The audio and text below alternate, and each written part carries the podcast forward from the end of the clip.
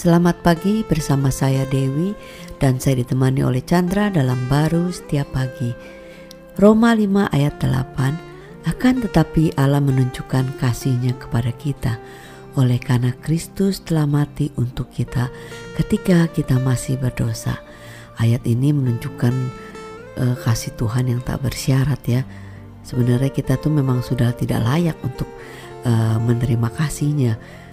Tapi karena dia mengasihi kita bahkan dia kirim anaknya untuk mati menebus kita dari dosa yang sudah mengikat kita ya iya ini luar biasa sebenarnya kan ya, ketika kita uh, bersalah ke seseorang orang tentunya pasti uh, ingin uh, marah ya Uh, dan membalas ya hmm. atas kesalahan kita apalagi kesalahannya besar hmm. dalam hal ini kesalahan kita dosa kita itu sangat besar itu menentang kepada Tuhan kan ya.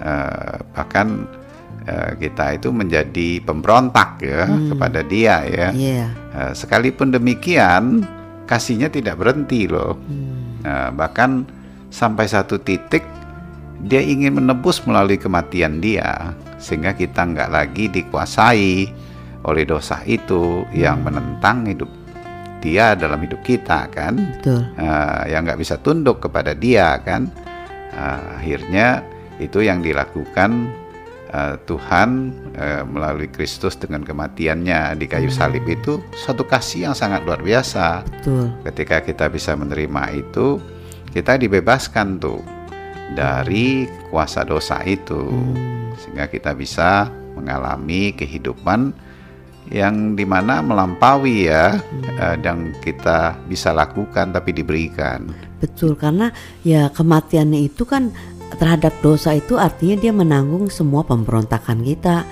kemudian uh, segala kesalahan kita dan juga segala penyakit kita ya itu sudah ditanggung oleh uh, Kristus di atas kayu salib itu. Iya kan masih ingat nggak waktu di kisah para rasul itu uh, Petrus ber, ber katakan kalian pikir yang menyalibkan Kristus siapa? Dosa hmm. kalian itu, dosa kita, dosa manusia yang wow. menyalibkan dia kan. Kita pikir itu uh, sejauh hanya uh, pasukan daripada Romawi itu hmm. yang menyalibkan itu realitas yang kelihatan, tapi sebenarnya kebenarannya ya dosa kita. Hmm pemberontakan ya, kita ya. Uh, dia terima tentunya. Kita. Uh, dia tanggung hmm.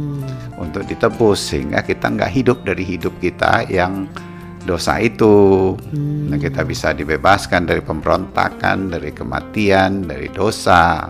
Hmm. Sehingga kita adalah uh, kebenaran Dia, kita menerima kebenaran Dia, maka itu kita dinamakan sebagai uh, kebenaran Kristus. Tuhan dalam Kristus Yesus. Wah, amin. Amin.